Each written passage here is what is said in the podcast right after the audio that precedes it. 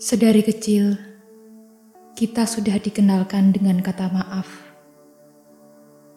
Meminta maaf ketika bersalah dan memaafkan dengan hati yang lapang. Tapi hanya itu. Tidak dengan pengecualiannya.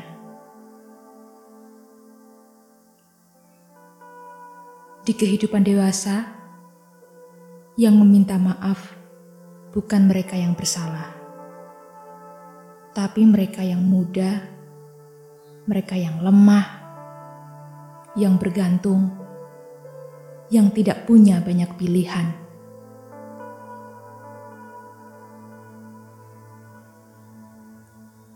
Mereka yang harus merasa bersalah, meskipun mereka yang tertindas dan tersakiti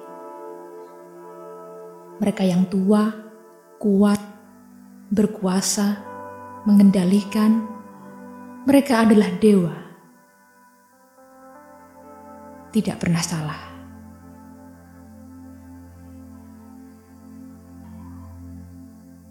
Setahu saya,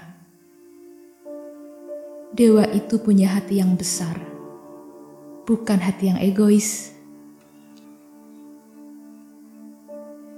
Jadi, Kapan seharusnya kita minta maaf? Saat kita bersalah? Tidak.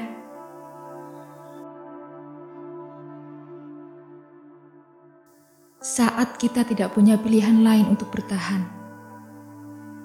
Saat kita harus mengalah pada ketidakadilan.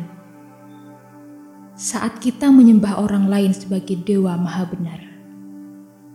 Saat itulah kita minta maaf pada mereka. Saya salah? Oh, tapi itu yang biasa saya lihat di dunia dewasa ini.